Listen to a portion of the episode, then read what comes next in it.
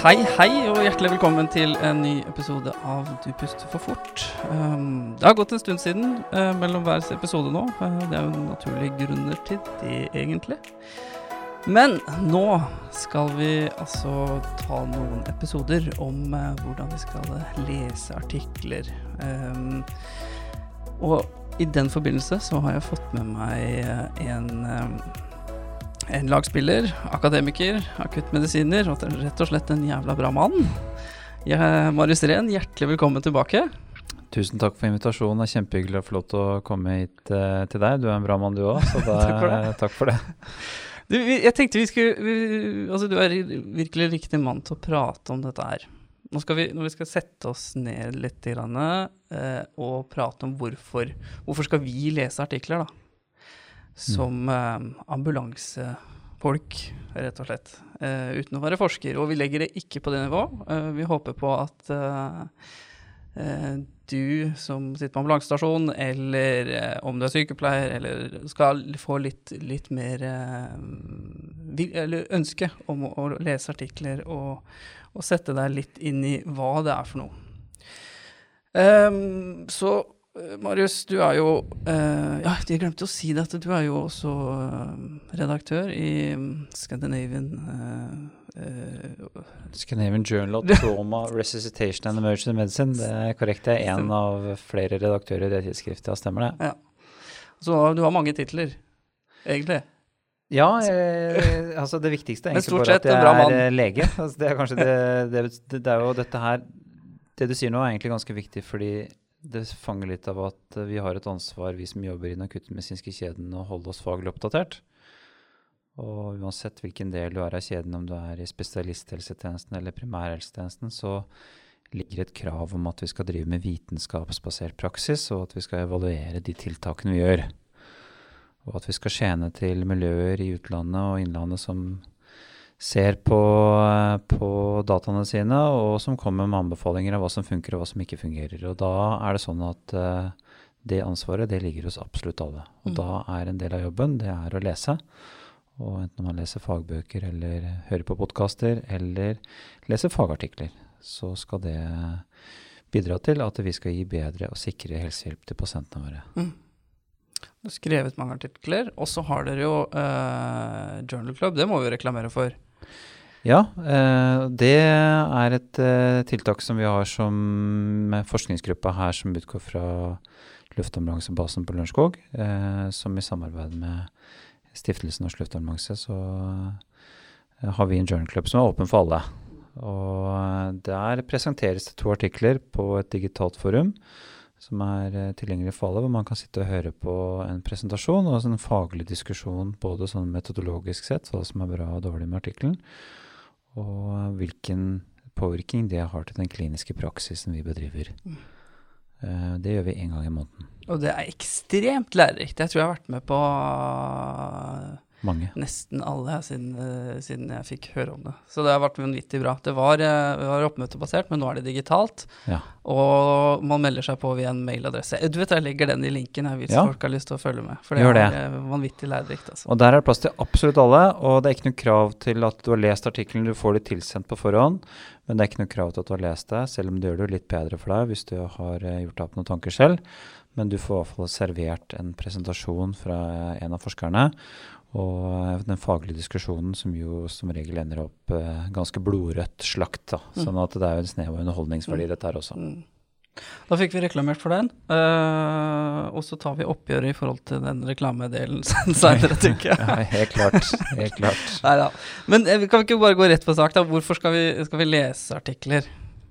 Jeg nevnte litt om det innledningsvis. Det er kravet vårt som helsepersonell å bedrive riktig og sikker praksis, og ikke minst å utvikle fagfeltet vårt.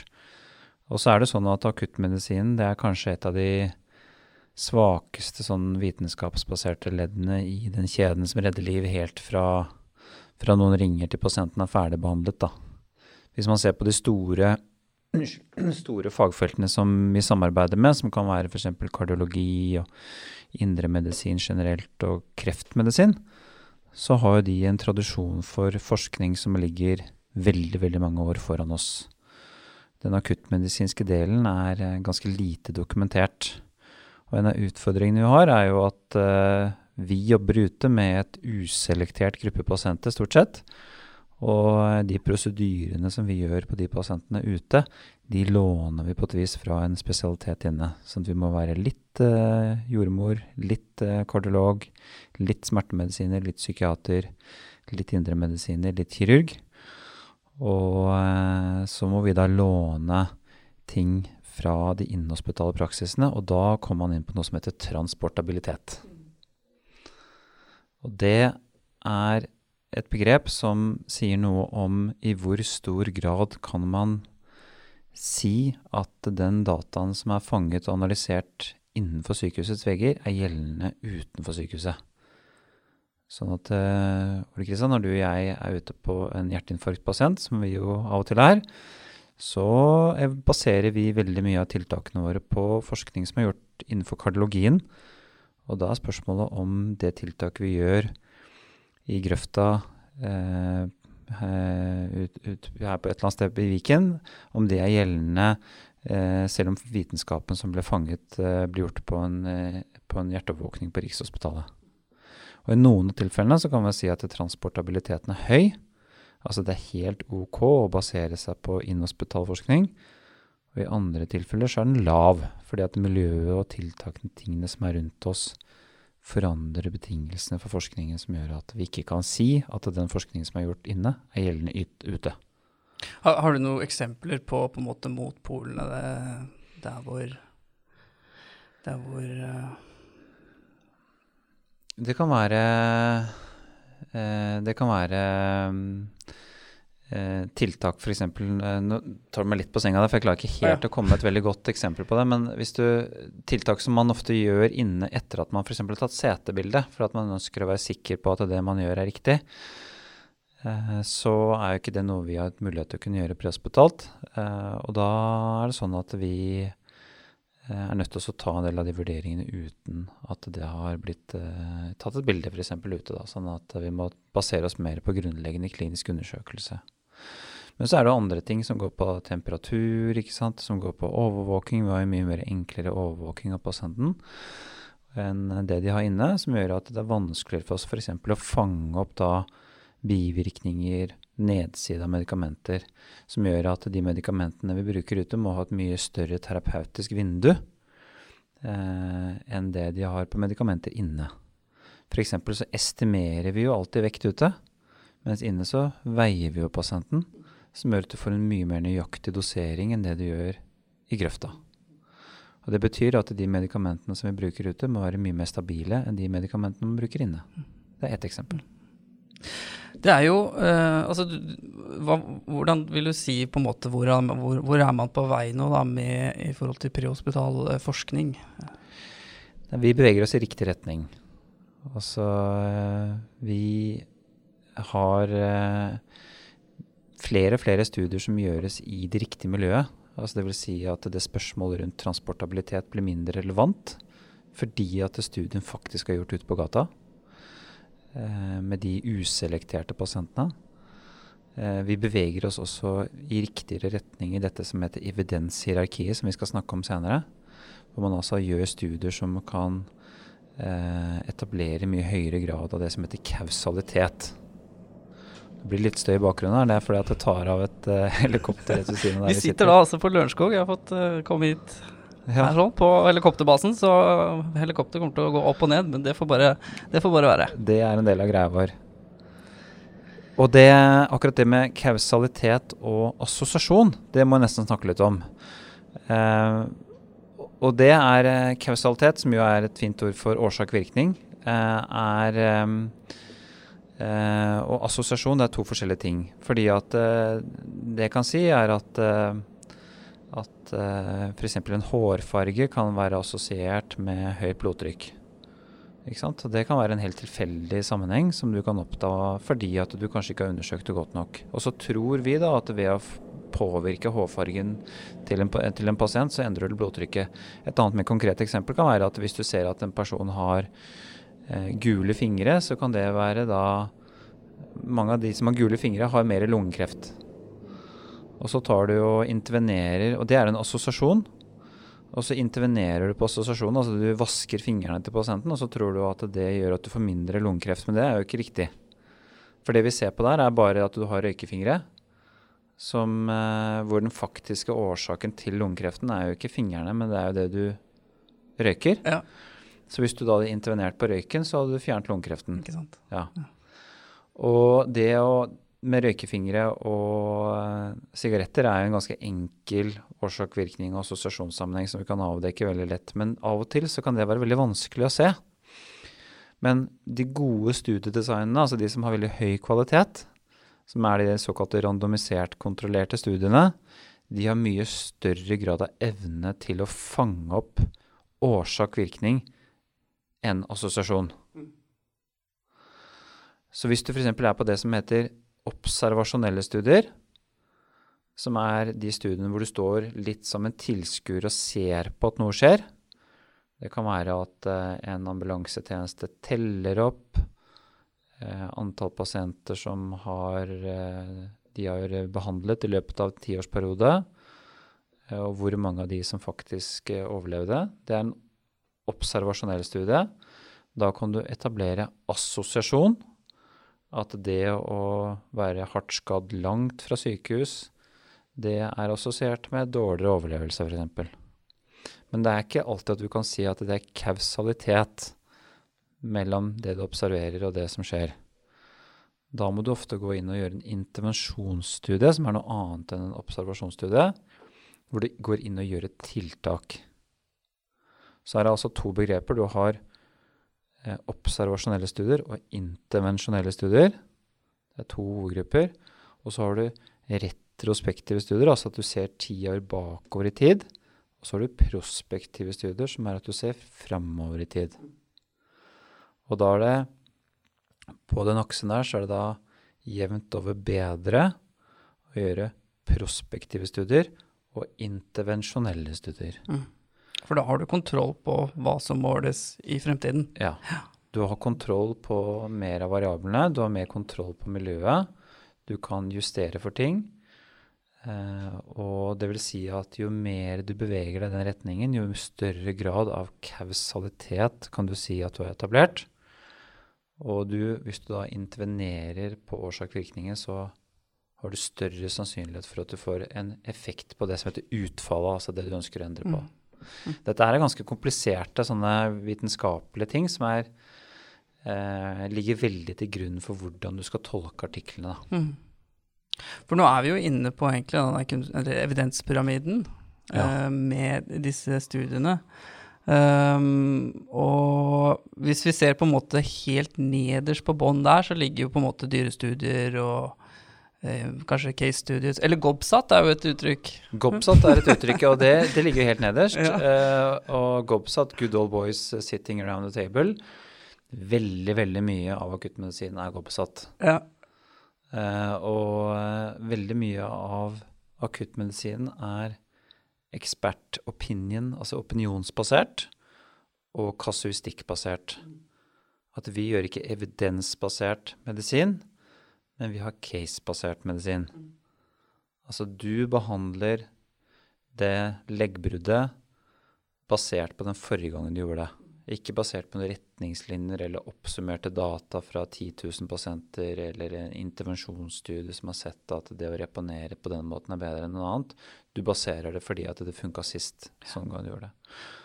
Og det kan være interessante artikler å lese. Du må bare vite at det er det én pasient dette her gjelder. Og dette kan være artikler som f.eks. at du som en doktor må si fra til andre. Så ha, ha med, eller følg med på dette her. Dette ja. er dette jeg opplevde på denne intervensjonen, eller Helt korrekt. Og det, så det du sier, er at det du har lansert nå, er en kategori med artikler som heter eh, case reports. Uh, og det er uh, en uh, det er en type artikler som brukes i mindre og mindre grad, men når det brukes, så er det for å rapportere om enten at vi har gjort en helt spesiell type prosedyre, gjort noe helt nytt, altså brukt en prosedyre på en indikasjon vi ikke har tenkt før, eh, eller at vi rapporterer en bivirkning vi ikke har sett før. En komplikasjon. Ikke sant? at uh, Og da kan du også samle opp flere kasuistikker i det som heter en case series. Uh, som f.eks. da kan være at, uh, at, vi i vår tjeneste så har vi ketamin, men vi har sett da de siste fem årene åtte tilfeller laringsspasme. Som vi da ikke kunne gjøre noe med fordi vi ikke hadde relaks eller de tingene som vi trengte for å gjøre noe med det. Og da er det da en alvorlig komplikasjon til et medikament som du rapporterer i en case series. da. Mm. Men kan disse studiene være eh, såpass um, um, troverdig at du endrer praksisen din ute? Eh, det kan det sikkert. Eh, det kan jo være at en komplikasjon eh, som ikke vi har tenkt på er så alvorlig at vi er nødt til å ta hensyn til det. Men det, kan også, det, det, det ofte er, er at det er hypotesegenererende artikler. altså det vil Si at det informerer oss om ting vi kanskje ikke har tenkt på. Eller muligheter vi ikke har tenkt på. Sånn at egentlig så er det bare en sånn flagging av en idé. Eller en viktig informasjon. Men at det skal være endring av praksis basert på det, det eh, bør vi prøve å unngå. da, At vi prøver, prøver å ha datasett som er bedre enn bare kasuistikkbasert. Men det er relevant, og i det tidsskriftet jeg jobber, så publiserer vi fra tid til annen en case series. Men det er vanskelig å få publisert, og det krever også at du har en ganske god gjennomgang av litteraturen som følger med case seriesen. Sånn at hvis du leser en case series, så får du en kasustikk presentert som er lett for oss å forstå, og så følger du med en gjennomgang av litteraturen. Mens det å lese en ekspertopinion, som ofte heter comment i en uh, tidsskrift, det er en eller annen som mener at, at den har oversikt over et tema, og så kommer en, en personlig erfaring, og det har veldig, veldig liten grad av evidens ved seg. Skal vi um jeg tenkte vi skulle prate hvordan vi på en måte kan bidra til å uh, være med på disse artiklene også. Men uh, skal vi fortsette litt på denne kunnskapspyramiden? Det syns jeg absolutt. Og snakke litt om observasjonsstudier, altså kohort- og, og case uh, control-studier. Kohorter har jo blitt vant til nå Kohortbegrepet, det har vi blitt godt kjent med. Ja. det er jo et uh, begrep som har vært brukt innenfor observasjonell forskning i mange hundre år. Eh, og så har det blitt tatt opp nå og brukt i forbindelse med pandemihåndtering. Men det beskriver en avgrenset gruppe personer. Det er jo en kohort. Mm. Og det kommer vel egentlig fra en litt mer sånn militær terminologi som beskrivelse av en gruppe soldater. Men i hvert fall så kan vi da følge en gruppe pasienter, enten at vi har fulgt de bakover i tid eller fremover i tid, altså en prospektiv eller en retrospektiv kohortundersøkelse. Og så kan man jo se da hva som skjer med de da, f.eks. Ikke sant? Men vi står bare og ser på de. Ikke sant? Vi står og ser at ok, greit. Eh, ambulansetjenesten behandlet da 200 pasienter med brystsmerter. Så følger vi de da to år fram i tid, og så ser vi hvor mange av de fikk brystsmerter på nytt, hvor mange av de fikk PCI, hvor mange av de eh, fikk hjertestans, osv. Da har du stått og sett en gruppe mennesker som har noe felles. altså De har brystsmerter, og de blir sett på den ambulansetjenesten. Og så ser vi hva som skjer. Og det gir oss et mønster, en assosiasjon. Eh, og veldig veldig mye viktig informasjon er fanget ut fra kohortundersøkelse, men det er fortsatt en observasjonell studie. Og så har du case control-studien, som er et annet design, som er at du har en gruppe som eh, som har en, noen karakteristika som kan være riktig alder, brystsmerter osv., som får en eller annen form for intervensjon. Og så har du da en gruppe som eh, har noe av det samme egenskapene, men som ikke får denne intervensjonen. Da. Men det er fortsatt ikke noe styrt intervensjon, det er en observasjonell studie. Du står og ser på det. Mm. Um, det som er um negativt Det du skal se opp for da, på disse typer studiene, hva er det for noe? Det, det, du skal se på da, er jo for det første transportabiliteten. altså Er det relevant for meg? Eh? Hvis dette er gjort av at det er en kohortundersøkelse som er gjort i en setting som er helt irrelevant for meg, eh, så er jo transportabiliteten mindre. Det kan være at det kan være en aldersgruppe, eller det kan være at det f.eks. er gjort i et land som har en helt annen type organisering av helsevesenet sitt. eller at det kan være noen eh, at det kan være karakteristika ved disse pasientene som gjør at de ikke er relevante for meg. Og så må du vite at, eh, at dette fortsatt er observasjonelle studier, sånn at vi kan ikke si at vi har funnet det endelige svaret på hvorfor disse med brystsmerter faktisk vært stans. Mm. For å gjøre en uh, god undersøkelse, altså man regner jo på en måte som RCT-en som en sånn gullstandard. Ja. Har vi hoppa over noe nå? Nei? Nei, Vi har beveget oss fra liksom, Det finnes en haug med ulike typer observasjonelle studier. Ja eh, nøstet case control etc. Men det er jo epidemiologene, som vi også har hørt mye om i disse pandemitidene, som, som er veldig flinke på det observasjonelle designet, hvor de går inn i folkehelsedataene og så analyserer det observasjonelt, da, sånn som i koronapandemien. De er eksperter på det. De har jo en haug med ulike typer design som de kan se på. Eh, og veldig mye av den kunnskapen som er hentet ut der, den har vi veldig stor nytte av. Eh, men eh, når man da beveger seg fra det observasjonelle til det intervensjonelle, så er vi over i det som da ofte kalles randomisert kontrollert studie. Og det har blitt veldig mye strengere, fordi at når du begynner å gjøre en intervensjon, så har du også et mye større ansvar. Hvis du sier at uh, i min ambulansetjeneste så skal vi begynne å bruke prehospital ketamin, det er jo et relevant uh, diskusjonstema, så er det en intervensjon. Du endrer behandlingen for pasientene i opptaksområdet. De får et nytt medikament. Og da kan det være fristende å gjøre det som et ledd i en RCT. Da. Og det som heter randomisert kontrollert studie, altså RCT, Randomized Control Trial, det ligger i at man ønsker å fordele tilfeldighetene likt ut mellom de to gruppene. Det at det, at det er randomisert, dvs. Si at, at du har 200 pasienter. 100 plukkes ut tilfeldig til intervensjonsgruppen, altså til å få medikamentet. Og 100 plukkes ut tilfeldig til å ikke få, altså få standardbehandling. Og det som da er viktig, er at den utplukkingen, altså den såkalte randomiseringen, randomiseringen at det skjer by random, altså tilfeldig. Sånn at det, den forskjellen som er mellom de ulike testsubjektene, altså de ulike forsøkspersonene, den blir spredt ut tilfeldig. Og det gjør at de skjevhetene som er mellom de to gruppene, eh, skal utjevne hverandre. Og, eh, og, det betyr at halvparten av gruppa vil ikke få tilbud om behandlingen, mens halvparten av gruppa vil få det. Og da har du muligheten da etter en, å måle om det har en effekt. Ty typiske sånne studier er du får et medikament, og du får en plebo, eh, nei, en, Placebo, en pille. Ja. Eh, så ser man på en måte det funka eller det funka ja. ikke. Så må man ha nok folk. Da må du, og det, det heter styrkeberegning. Mm. Det er jo en matematisk øvelse. Eh, men det er også en pragmatisk øvelse, hva som er gjennomførbart og hva vi vet. og det er også, Dette kan vi snakke om i ukevis, gjøre det litt enkelt. Men man gjør en styrkeberegning som sier at du trenger så og så mange pasienter for å kunne si noe om at, at dette er korrekt. Og da er det noe, man, noe, som heter statistisk signifikans. Som da er at man sier at er dette tilfeldig, tilfeldig eller, er det, eller, eller er forskjellen mellom de to gruppene ikke tilfeldig?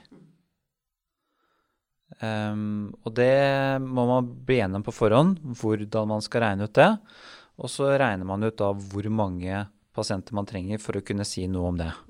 Det heter styrkeberegning. Så hvis du da sier at for å kunne eh, si at du skal ha en statistisk signifikant forskjell mellom de to gruppene, så må du da ha 100 pasienter i hver gruppe. da. Det kalles styrkeberegning. Detaljene på det skal vi spare oss for, men det betyr at eh, du er nødt til å rekruttere så og så mange. Og typiske svakheter i disse studiene? Svakheten med RCT-ene er jo at de er eh, eh, tunge å gjennomføre. Mm, dyre. De er dyre. Eh, de er regulatorisk veldig krevende. Og det er jo ikke noen nedside, egentlig. da. Det er en nedside for oss som skal gjøre det i form av at det er veldig krevende å få det gjort. Det krever en veldig stor grad av disiplin blant alle de som deltar i studien, fordi at man har krav fra myndighetene, fordi at pasientene skal få den beste behandlingen hele tiden. Og når vi gjør en ny behandling, enten som et medikament eller en kirurgisk prosedyre eller så må vi vite at det ikke skader pasientene. Det er jo viktigere enn å finne en, en fordel, nesten. Og da må vi ha noen som sitter utenfor studien, som kontrollerer at det vi gjør, er riktig. Da har du etisk komité, du har Statens legemiddelverk, du har flere ulike instanser som sier at dette skal vi sitte og følge med på, at det er korrekt. Sånn at ikke vi driver og utsetter pasientene våre for farlige ting. Og eh, hvis du er kreftpasient og du blir innlagt på eh, Radiumhospitalet, så deltar du ofte i tre-fire forskjellige randomisert kontrollerte studier. For de har en forskningspraksis som er hundrevis år gammel. Og de, hele dette feltet innenfor kreftmedisin har jo utviklet seg evidensbasert. Sånn at eh, alle som driver med kreftomsorg på Radiumhospitalet, er, er, er, kjent med den kulturen de har for vitenskapelig forskning. Men hos oss så er det eh, fremmed. Nå har jo flere og flere i vår bransje begynt med randomisert kontrollerte studier, som gjør at den nye generasjonen med paramedicer og, og folk som jobber på i akuttmottak og sånn, er blitt mer vant til det. Men det er også veldig mange som er kritiske til det, fordi de føler at det er feil. Hvorfor skal bare halvparten få dette nye medikamentet, mens andre halvparten ikke får det? Og, og det blir et lotteri, ikke sant. Og så det krever en kulturendring og en forståelse, og så krever det en ekstrem grad av ansvarlighet fra oss som gjør disse studiene. Og da blir vi sett i kortene hele tiden av myndighetene, og det gjør at uh, rammeverket rundt disse studiene er blitt mye mer komplisert. Og så er det standardisert da, på tvers av ulike land. Sånn at når man f.eks. skulle lage medisiner og vaksiner og gjøre intervensjoner i koronapandemien, så kom man jo til ganske raske resultater. og En av grunnene til det er fordi at det forskningsdesign og det regulatoriske rammeverket rundt studiene er blitt standardisert på tvers av land. Sånn at det er mye lavere terskel for å rekruttere pasienter i en studie da, på tvers av EU f.eks. Sånn at hvis vi setter opp en, en studie i Norge eh, med prehospital smertebehandling, som f.eks. Premifen-studien som kommer opp nå, så er den designet på en måte som gjør at terskelen for at svenskene og finnene og Belgia og Tyskland og Hellas kan bli med på den studien, er blitt mye lavere enn sånn det var før. Fordi at alle dokumentene, alle begrepene, er standardisert. Sånn at hvis da finnene tar med seg alle de dokumentene fra vår studie til sine regulatoriske enheter i Finland, så vil de lettere kunne gjenkjenne det og godkjenne det. Og så kan finnene bli med. Ja, ikke sant? Ja. Og da har du noe som heter multisenterstudier. Ja. Og en unisenterstudie, det er når du gjør én studie på din ambulansebase. Mm. Mens en multisenterstudie er når du gjør det på 15 baser i Norge. Da har du en nasjonal multisenterstudie. Og så har du en internasjonal multisenterstudie. Det er når du får med Danmark og Finland og Færøyene. ikke sant? Og da kan du tenke deg at hvis du har en internasjonal multisenterstudie med randomisert kontrollert design, så kommer du raskere til målet, for du rekrutterer raskere pasienter. Eh, pluss at du får en høyere grad av transportabilitet. For da har denne intervensjonen blitt gjort mange forskjellige steder med mange forskjellige typer små endringer. Det er en forskjell mellom Færøyene og Norge. Det er en forskjell mellom Belgia og Finland men at effekten i bruken av dette medikamentet var stor uansett hvor du befant deg. Da begynner gyldigheten. da. Vår tillit til det medikamentet øker veldig. Og da er vi over på etablert kausalitet. Da kan vi si at hvis du gir dette medikamentet, så har det en effekt på smerte. Fordi at vi har gjort en internasjonal, multisenter, randomisert kontrollert studie. Og det vi gjør, er at vi gjør en klassereise innenfor akuttmedisinen. At vi startet ut med ekspertbasert, kasuistikkbasert praksis. Og så er vi nå mer og mer over i internasjonale, multisenter, randomisert kontrollerte studier. Og det har vært en klassereise som har vært helt nødvendig for at vi skal fortsette å bedrive vitenskapsbasert medisin, og at vi skal bli tatt seriøst.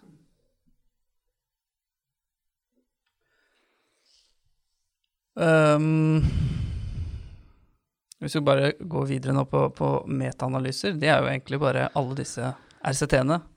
Ja. Så sammenligner man de, ja. Og så er, Da er vi på toppen av kunnskaps... Ja, guideline kanskje på toppen, da, men uh, ja, altså det helt uh, øverste i evidenspyramiden så har du liksom den metaanalysen som du sier, som da er at du Det optimale er jo da at hvis du har uh, Du har seks forskjellige uavhengige internasjonale multisenter randomisert kontrollerte studier som har sett på det samme medikamentet. Og så tar du dataene fra alle de seks forskjellige studiene, og så slår du de sammen i et datasett.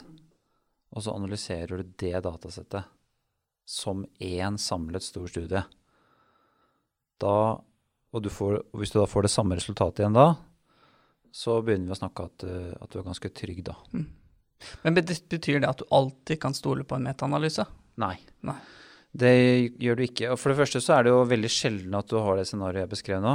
Eh, veldig ofte så må du samle data fra studier som har forskjellige utfallsmål, forskjellige inklusjon, eksklusjonskriterier, design. Og så må du prøve å samle det litt, og det er litt som å lage da en eh, du, liksom, Målet er å lage eh, eplemost, men så må du ha oppi en del pærer og litt bananer og litt appelsiner, og så blir det egentlig ja. en sånn miks. Ja. Og eh, veldig mange av de med metaanalysene, eller systematiske oversiktsartiklene, da, som det der begrepet kommer fra, eh, som jo finnes innenfor akuttmedisinen, så Eh, så gjør man såkalte fire faser innenfor en systematisk oversiktsartikkel. Det ene er å identifisere alle studiene, sånn at hvis du leser den artikkelen, så vil du få en oversikt over mest sannsynlig alle relevante artikler innenfor det temaet. Det er identifikasjonsfasen, og så har du den dataekstraksjonsfasen. altså Dvs. Si at forfatterne av systematisk oversiktsartikkel har samlet alle de relevante dataene og presenterer det for deg.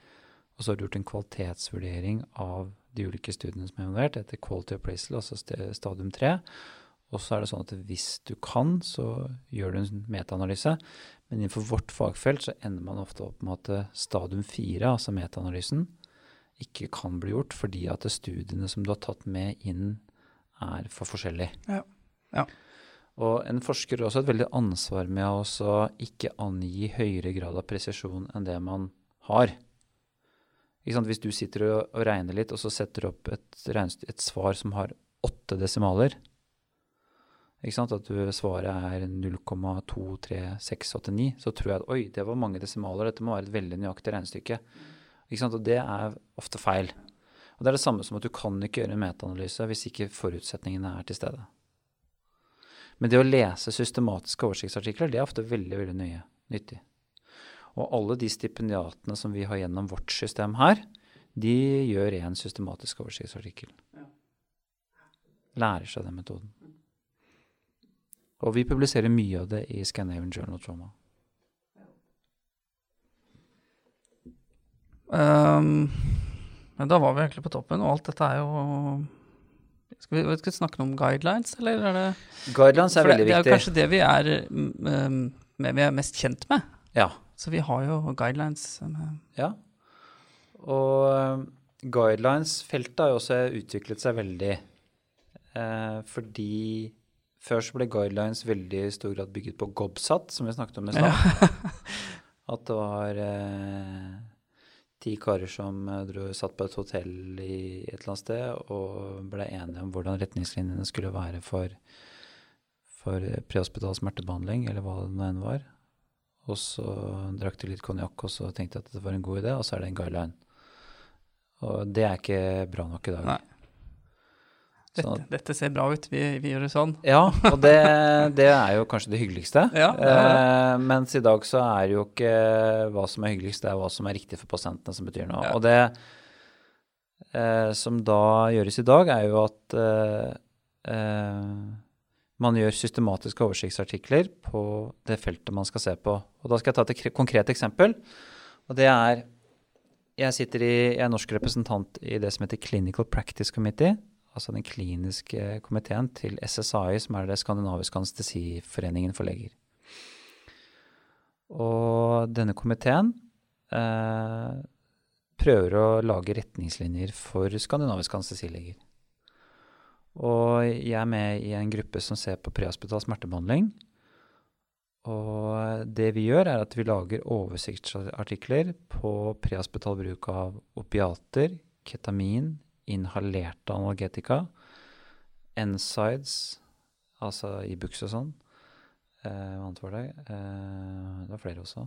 Nå står det helt stille her. Eh, regional anestesi etc. Alle de ulike metodene man kan gjøre for å smertelindre en pasient. Og så må vi da gjøre én systematisk oversiktsartikkel på hvert enkelt tema. Så det i seg selv er en kjempejobb. Eh, og grunnen til at vi er nødt til å gjøre det, er fordi at på veldig mange av disse feltene så finnes det ikke systematiske oversiktsartikler. Um, så når vi først har gjort det, så kan vi da samle Da har vi fått oversikt over all litteraturen og kvaliteten på litteraturen, og så kan man da samle det inn Eh, i, og så bruker man da et sånt metodologisk rammeverk for å komme fram til anbefalinger som er konkrete. Mm. Uh, og det er noe som heter GRADE-systemet, som er et sånt uh, en verktøykasse som vi kan gjøre for å lage en transparent prosess fra data til tolkning og sette det inn i en klinisk kontekst til en anbefaling. Og i den anbefalingen så ligger det da hvor sterkt vi anbefaler det, og hvor sterk anbefalingen er basert på evidens. Og så oppsummerer vi da alle de anbefalingene våre i en retningslinje. Eh, og så kan man da gå inn og gjøre en vurdering av om retningslinjene oppfylte alle kriteriene for å være en god guideline. Og det er jo f.eks. om vi har hatt med pasienter som har vært med og laget det. ikke sant? Da har vi hatt pasientperspektiv, og vi har hatt brukerorganisasjoner med havne interessekonflikter. Hvis jeg sitter og har masse aksjer i et firma som selger én type medikament, så er det problematisk. Nå har ikke jeg det, men, eh, men, hvis jeg hadde hatt det, så hadde jeg måttet rapportere det. Og da får du en guideline. Og guidelinene, når du leser de, så må man være litt nøye med å se i hvor stor grad er de eh, lojale til de faglige anbefalingene for hva en god guideline skal være. For det er veldig mange gode guidelines ute, og så er det veldig mange dårlige. Og hvis man er på Journal Club, så tar vi opp guidelines av og til. Og da blir de systematisk vurdert. Og den forrige guidelinen vi hadde som du og jeg snakket om på, på Journal Club, det var behandlingen av sepsis hos barn og septisk sjokk hos barn. Den fikk ganske bra score. Og det igjen, altså disse Journal Club, det er vanvittig moro. Altså, for før jeg ble med dere, så leste jeg en artikkel, så tenkte jeg oi, så artig, og dette kan jeg kanskje bruke. Ja. Når jeg kom på, på, Journal Club med samme dagen, og uh, dere satt med artikkelen der og bare dro den rett ned i søla, og altså, jeg satt på en måte og lo av både med, Ikke lo, da, men jo, jo, på en måte, ja, ja, ja. av metoder, og eh, så skjønner jeg at det, OK, det er ikke så enkelt, nei. Nei og, nei, og, det er klart vi gjør litt show ut av det, for det er jo ja. ingenting som skal komme gjennom Journal Club uten et banesår. Så jeg mener jo, vi, vi ler jo hverandres artikler òg, sånn at uh, dette her er jo Men det er jo en del av den akademiske tradisjonen at det skal være greit å være kritisk. Og det skal være greit å, å stille spørsmålstegn til det du får servert. Det forventer vi av folk som driver med forskning. Og det forventer vi av helsearbeidere også. Men det må være en konstruktiv kritisitet, da. Det må det være. Og den som skal profitere på til slutt, må være pasienten. Ja. Um, en klok mann sa til meg en gang at hvis vi skulle lese en god artikkel, altså hvis vi begynner på det, så, så gå på guidelinesen, og så gå på referansene, og så se på referansene. Så begynn på referansene. Mm. Hva tenker du om det? Absolutt. Eh, men så finnes det også studier som er så spennende og ferske at det ikke er blitt en del av guideline. Eh, og da, det prøver vi å fange opp i Journal Club, da, at vi sier at oi, den her var spennende. Og da plukker vi opp den, og så ser vi på den. Og da er det sånn at eh, vi følger med på de viktigste tidsskriftene og de beste tidsskriftene, og så ser vi hva som kommer der, da. For det er en forskjell på tidsskrift. Ja. Ja, for der, der, må vi også eh, både inne det å, å, søke og finne artikler, men det å, Altså hvor, hvor, han er publisert, ja. Det har jo litt å si. Det har veldig mye å si. Om man har publisert på en, på en måte en, en, eh, side med, som selger medikamenter, eller Absolutt. et skrift, da. Om det er publisert i lokalavisa til Pfizer, eller om det er publisert i New England Journal of Medicine, har jo mye å si. Ja, For du er også redaktør i et tidsskrift. Ja. ja. Og det er ikke New Journal of Medicine, mm. det er helt klart. New England Journal of Medicine. Eh, men eh, Scandinavian Journal of Trauma, det er jo et nisjetidsskrift. Og det er jo liksom et tidsskrift for akuttmedisin. Det er en veldig liten del av medisinen. Eh, men vi er det som heter PubMed-indeksert. altså Dvs. Si at eh, vi, det vi publiserer, blir lagt ut på den eh, internasjonale databasen som heter PubMed. Mm. Og for å få lov til å legge ting ut på PubMed, så må du ha en kvalitetskontroll. Sånn at de tidsskriftene som er PubMed-indeksert, de har en grunnleggende kvalitet med seg. Betyr det at alle de som ligger på puben, er bra studier? Nei, Nei. det betyr det ikke. Det betyr at tidsskriftet har en redaksjonell eh, eh, grunn, grunnmur da, som, er, eh, som, er, over et minstemål. Mm. Eh, mens det finnes masse på puben som er feil, og masse der som er dårlig kvalitet. Og det er jo opp til leserne å identifisere det. Mm. Men når du får, får en uh, artikkel innsendt til deg, hva er gangen i det? Ja, altså Trenger ikke å ta alt, Nei, jeg skal spare det for uh, Men uh, vi mottar uh, i Jeg kaller det for SJ3, men det er lettere å si det. det er, vi, vi, mottar ganske mange manus hver måned.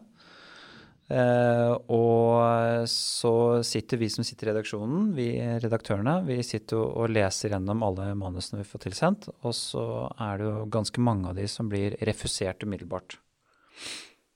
Som vi da sier at tusen takk for at du sendte tidsskrift eller dette manuset til oss, men beklager, det passer nok ikke oss. Og det er ulike grunner til det. Det kan være at det er feil tema, eller at det er at vi har hatt så mange av det akkurat nå at vi må finne noe annet.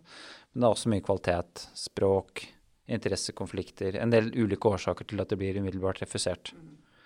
Men for de som overlever den første liksom, eh, slakten, da, Eh, bare for å si at det er veldig høflig og konstruktivt. Vi setter veldig stor pris på alt som blir sendt inn. Vi er nødt til å ha veldig sånn nåløye for hva vi publiserer. Da. Bare sånn for at ikke det, vi, har, vi har ikke noe glede av å refusere manus, det har vi ikke.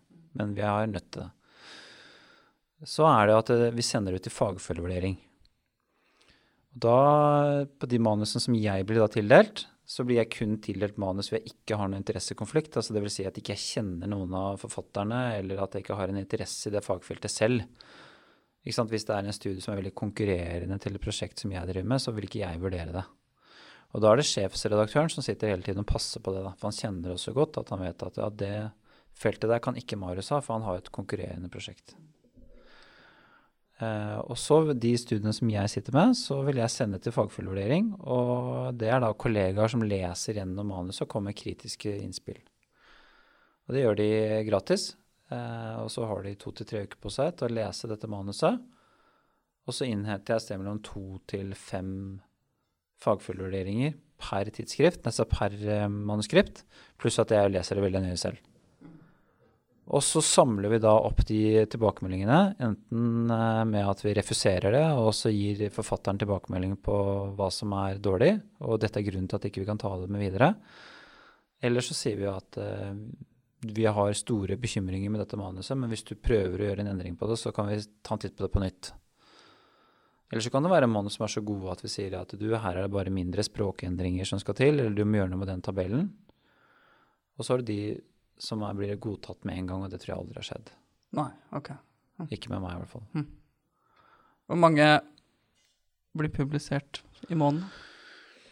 Det burde jeg visst. Med, det varierer litt fra, fra, måned til måned, men uh, vi har vel en sånn refusjonsrate på kanskje 70 mm. uh, Jeg går inn og ser på tallene, men, men uh, sånn Ja. Så det er et sted mellom, et sted mellom 20 til 30% som blir godtatt til slutt i, i, vårt tidsskrift. Da. Ja. Mm. Vil jeg tro. Um, vi har jo kosa oss og prata, vi nå. Ja. Men jeg tenker kanskje at vi, vi, har jo vært inne på det her med, i forhold til uh, Altså, det kommer jo en del norske studier, og, og på en måte hvordan bidra på, på artikler. Jeg syns vi kanskje skal dra opp det nå på slutten også.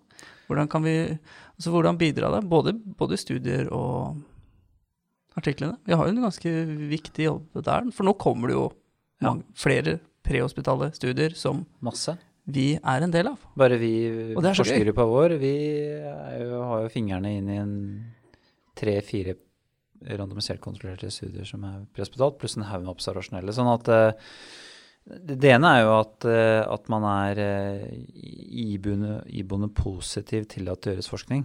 Det tror jeg er veldig viktig. Og at det er en del av jobben din som er eh, like viktig som Eller kanskje ikke like viktig, men den er altså en veldig viktig del av det å være helsearbeider. Mm.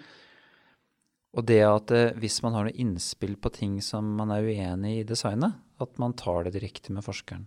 Ja. Så det, man, kan, man, kan, si noe om det? Naturligvis. Ja. Eh, og det har du også en plikt til som helsearbeider, at hvis du mener at det du skal gjøre i denne studien er uriktig, så skal du jo eh, flagge den bekymringen overfor de som eh, skal gjøre studien. Og Da er det viktig at du gjør det på en konstruktiv måte. ikke sant? At du istedenfor bare å være passivt aggressiv og ødelegge hele studien sånn gjennom å nekte å samarbeide, at du heller er konstruktiv og så sier at du jeg har en bekymring på det punktet, eller kanskje vi kan gjøre det bedre. Og da kan jeg love at alle fra vår gruppe i hvert fall er veldig lydhøre for det.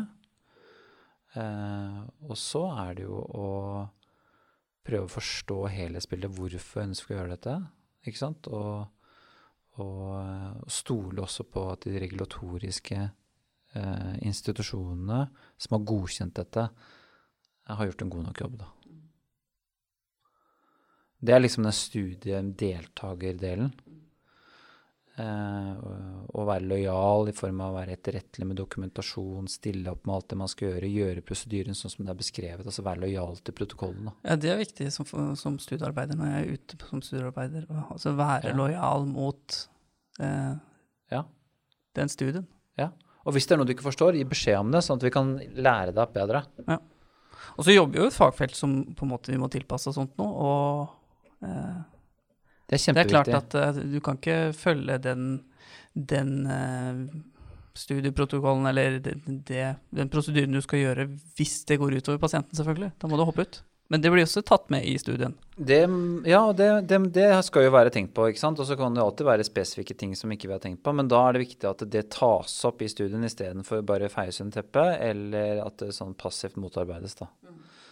At man har en bekymring, så flagger man den. Da hører vi på deg og setter stor pris på den tilbakemeldingen. For vi vet jo heller ikke alt som kan skje der ute, selv om vi prøver å ha tenkt på alt. da. Så det er liksom den studiedeltakerrollen, og så har du den hvordan kan jeg være med på en artikkeldelen. Mm. Det er jo kanskje en, en litt annen og litt lengre diskusjon. Eh, så vi kan godt ta den også nå. Ja. ikke så lang. Nei. Men, men det er jo eh, være interessert i å skrive, lære seg til å skrive, vurdere å ta en mastergrad, vurdere å ta en doktorgrad, ha en interesse for forskning, bidra Altså, det å skrive er en vanskelig prosess. Det er ingen som syns det er lett i starten, og veldig mange blir veldig ordrike. Og noe av det første vi jobber med hos oss, er jo det å forfatte seg i korthet og med konsise setninger. Trene på det bidra inn i lokale fagtidsskrifter, jobbe med prosedyrer.